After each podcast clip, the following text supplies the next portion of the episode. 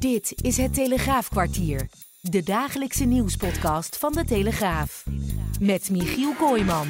Welkom bij het Telegraafkwartier van woensdag 7 februari. Met vandaag, de kabinetsformatie is geklapt. Hoe nu verder? We spreken er uitgebreid over met Wouter de Winter. De stofwolken in Den Haag zijn opgetrokken nadat Pieter Omtzigt gisteren meedeelde te stoppen met de onderhandelingen voor een nieuw kabinet. Vanuit Den Haag is Wouter de Winter aanwezig. Wouter, uh, allereerst, die stofwolken die zijn opgetrokken, maar hadden jullie dit op de parlementaire redactie echt niet aanzien komen dat Pieter Omtzigt er tussenuit zou knijpen of waren er wel voortekenen aanwezig? Nou ja, je hebt misschien uh, gezien dat we op maandagavond een verhaal hebben gepubliceerd waar uh, we hoorden uit uh, de formatiekringen dat Omtzigt terugtrekkende bewegingen aan het maken was. En dat was een alarmerend signaal wat eigenlijk volgde op het ontbreken van een ondersteuning van de eerdere tweet van Wilders. Hè, toen hij maandagavond zei van ik hoop dat het allemaal gaat lukken en ik heb er ja, veel vertrouwen in dat, dat, dat, dat het goed moet komen en dat het nodig is voor Nederland. Wat werd beaamd door Caroline van der Plas van BBB en Dylan Jezielgus van uh, de VVD. Maar waar Pieter Omzicht verder niet op reageerde. En dat was natuurlijk al een eerste signaal. Nou, toen zijn we rond gaan vragen en toen hoorden we dat Omzicht ja, vrij vertaald aan het afhaken was.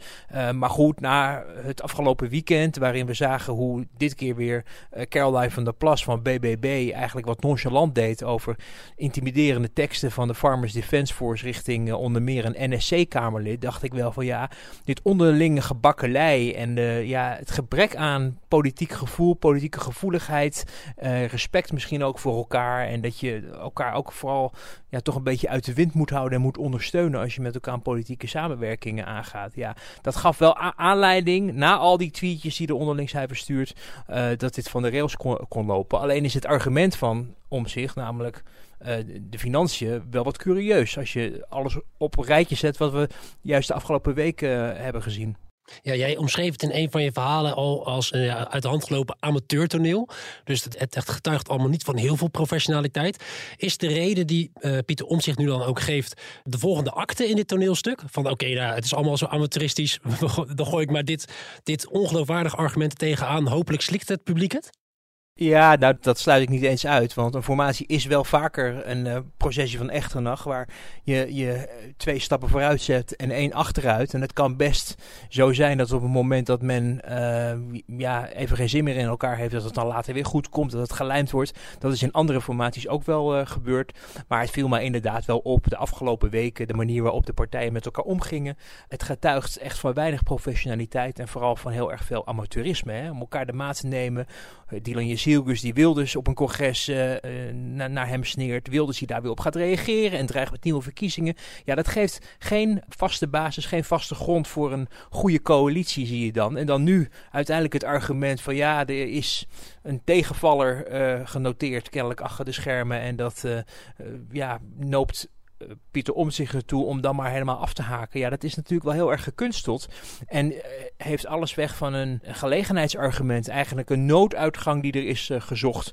Om maar niet deel te nemen aan een coalitie waarvan je eerder zou kunnen concluderen dat het gebrek aan vertrouwen een, een goede reden zou zijn om het niet met elkaar te, uit te houden. Ja, dus het is eigenlijk een soort miskleun van Pieter Omtzigt dat hij het gooit op die uh, ontbrekende financiën. Uh, hij krijgt nu ook echt de wind van voren vanuit zijn eigen achterban. Hij is ook uitgebreid over geschreven. Hoe gaat Pieter Omtzigt daarmee om?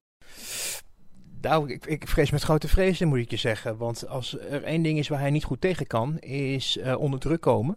Uh, en je ziet nu dat er veel kritiek is. Uh, veel kritiek van uit de Tweede Kamer. Veel kritiek ook vanuit het land. Mensen zijn echt boos, omdat er toch veel, veel kiezers, en ik denk ook wel veel mensen in zijn eigen partij, of die op in ieder geval op hem gestemd hebben, het idee hadden dat dit in ieder geval een serieuze kans verdiende. Omdat dit een andere koers voor Nederland kon betekenen. En bovendien NRC in staat stelde om al die mooie beloftes, vooruitzichten die Pieter Omtzigt de afgelopen jaren voor Nederland heeft ja, gehouden eigenlijk. Hè. Dat het toch echt allemaal anders moest. Dat we afscheid moeten nemen van het tijdperk Rutte. Dat goed bestuur leidend moet zijn. Nou, dat kan je alleen maar echt realiseren als je ook zelf aan de knoppen zit. Dus in die achterban natuurlijk veel verbazing dat hij dan toch niet het uiterste lijkt te willen doen om dat voor elkaar te krijgen. Dus dan denk je, ja, al die kritiek, al die druk druk die er op hem staat. Ik denk ook zomaar dat er wel mensen in zijn eigen fractie zijn die het niet zo'n goed idee vinden dat dit is gestopt. Hoewel er ook weer mensen zijn die dat misschien wel een goed idee vinden. Kortom, heel ingewikkeld, heel, heel, heel moeilijk voor hem. En we weten uit het verleden dat hij met, met grote politieke druk uh, ja, soms moeilijk vindt om daarmee om te gaan. Dus dit zijn niet de, de beste momenten voor Pieter Omzicht, denk ik zo. Nee, zou het ook zo kunnen zijn dat Pieter Omzicht, omdat hij dus die druk voelt, nu echt een strategische missie heeft begaan? Want, want waar hoopt hij nu op, nu die, nu die weg is gelopen? Ja, hij hoopt denk ik weer terrein terug te winnen op de VVD. Die natuurlijk aan het begin van de formatie al gelijk heeft gezegd wij gaan gedogen. Waarmee Omtzigt eigenlijk in een soort situatie werd gebracht dat die kans misschien voor hem verkeken zou zijn. Nou, dat hoeft natuurlijk niet, hè, want je kan daar op een gegeven moment nog afspraken over maken. Het ging in deze gesprekken juist niet eens om de gedoogconstructie of een extra parlementair kabinet of zo, maar om de basis te leggen voor de rechtsstatelijkheid. Nou, dat is kennelijk gelukt, want daar horen we ineens heel weinig mensen nog maar over. Inderdaad. En, en, en het tweede was om op vijf punten die Plasterk heeft gedefinieerd als de toch de grote uitdagingen waar een komend kabinet mee te maken krijgt. Of daar voldoende zicht was eigenlijk om het met elkaar eens te worden. Nou ja, dat, dat waren allerlei onderwerpen wat op zich inhoudelijk wel had gekund. En de daadwerkelijke vormgeving van zo'n coalitie, ja, die, die was nog helemaal niet officieel onderwerp van gesprek was de bedoeling. Dat zou pas in de tweede fase komen als ze volgende week dat debat hebben gehad en wellicht met elkaar uh, het gesprek wilden continueren. Dus je ziet dat een heleboel dingen door elkaar lopen, wat alleen maar de indruk ook geeft dat het een gelegenheidsargument is om toch maar niet mee te hoeven doen in een coalitie uh, met de PVV. Als je ziet hoe er gereageerd wordt op die beslissing, door vrienden, dus de eigen, de eigen achterban, de eigen kiezers, maar ook door vijanden, uh, de veronderstelde oppositie, die ook zoiets heeft van ja, uh, het eerst maar eens serieus geprobeerd, of wees in ieder geval duidelijk over waarom je er ineens geen vertrouwen in hebt. Uh, ja, dan vraag ik me af of het op deze manier wel had gemoeten. Want ja, de eerste peilingen, eerste reacties, die geven nou niet heel erg veel enthousiasme aan in reactie op de beslissing van omzicht. Nee, de kans is groot dat de kiezer hem daarop gaat afrekenen. Dus misschien komen er nieuwe verkiezingen. Maar op dit moment is het dus heel erg chaotisch hoe het verloopt. De regisseur van het geheel, Ronald Plasterk, die moet de boel toch proberen een beetje in goede banen te leiden. Wat is zijn taak nu? Wat gaat hij doen?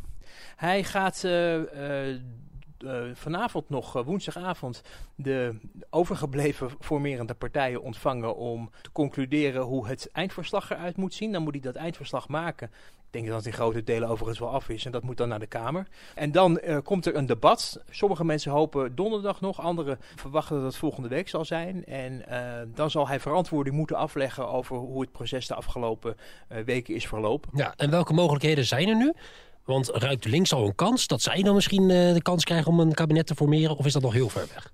Ja, er wordt natuurlijk wel wat gesnoven wat dat betreft. Ja. Uh, uh, want ineens zie je dat het eh, avontuur op rechts misschien geen, geen doorgang kan, kan vinden. Maar um, je merkt ook wel in de reactie van bijvoorbeeld Rob Jetten van D66... die wil eerst ook wel heel erg duidelijk hebben dat alles verkend is om te kijken of dit rechtse kabinet geen doorgang kan vinden. En dat is op zich ook wel een te begrijpen strategie. Want nou ja, de verkiezingsuitslag die neigde bepaald niet naar rechts. Op een moment dat een groot deel van Nederland het idee heeft dat ze niet gehoord worden en er ineens over links een kabinet gevormd gaat worden, uh, ja. dan is het startpunt van zo'n coalitie nou natuurlijk niet heel erg uh, fortuinlijk. Dus het is voor een ja, start van een kabinet over links uh, hebben, hebben de linkse partijen er belang bij om ook aan de kiezer duidelijk te kunnen maken van luister, alles op rechts is verkend en onderzocht en het lukte niet. Want anders ga je eigenlijk ook al als linkse coalitie of centrumlinkse coalitie met een valse start aan de slag. Dus vandaar dat ze ook op links zeggen van nou laat ze maar echt elkaar helemaal uitsluiten. En het liefst ook nog ruzie met elkaar hebben. Want dan ja. is het enige alternatief nog om het met ons te proberen. Ja, dus op links hopen ze op zoveel mogelijk vuurwerk en explosies en geweld aan de rechterkant. Zodat zij daarna makkelijk kunnen oogsten. Dat is eigenlijk waar ze op hopen dat is, ja, dat is uiteindelijk, en ik, ik, snap dat ook wel, want het is, als je kijkt naar de woorden en de argumentatie van omzicht, nog niet voldoende echt onderzocht of dit nou echt onoverkomelijk is. Hij zegt ook zelf van deze fase maar even niet meer praten, een volgende fase misschien wel, en dan misschien over een andere vorm van regeren. Dus de deur zit nog niet helemaal dicht. Zolang die deur niet helemaal dicht zit, zal links denk ik ook de strategie zoeken om wel eens even te kijken of ze er niet alsnog uit kunnen komen op rechts. Vanwege uh, ja, die valse start die zij anders zouden moeten maken. Ja, nou, het duurt maar voort en het duurt maar voort. Dat is duidelijk. Wat ik me wel afvraag, het huidige kabinet, het huidige demissionaire kabinet.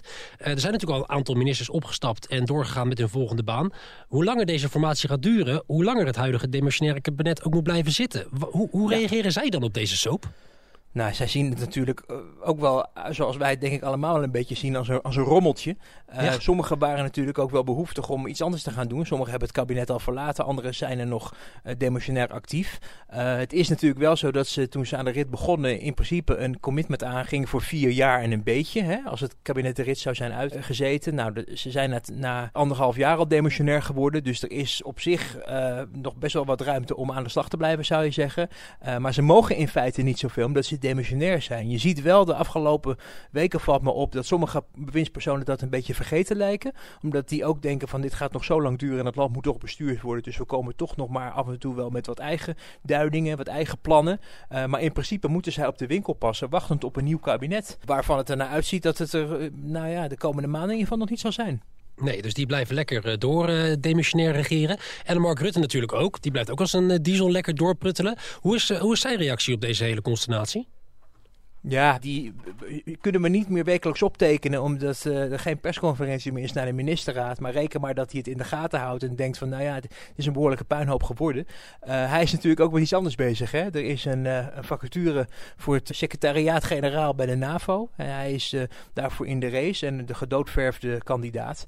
er zal, begrijpen wij, ergens in april een knoop over worden doorgehakt. En het is best mogelijk dat hij dan, of misschien het najaar als de termijn van de huidige secretaris secretaris-generaal afloopt, uh, dat hij dan uh, vertrekt. Uh, en dan moeten we het dus zonder Rutte stellen in de landspolitiek. En dan zal de VVD een vervanger moeten aanleveren. Maar goed, de buiten is nog niet helemaal binnen. Dus voorlopig kijkt ook Rutte vanaf de zijlijn toe hoe zijn vermoedelijke opvolgers het er vanaf brengen.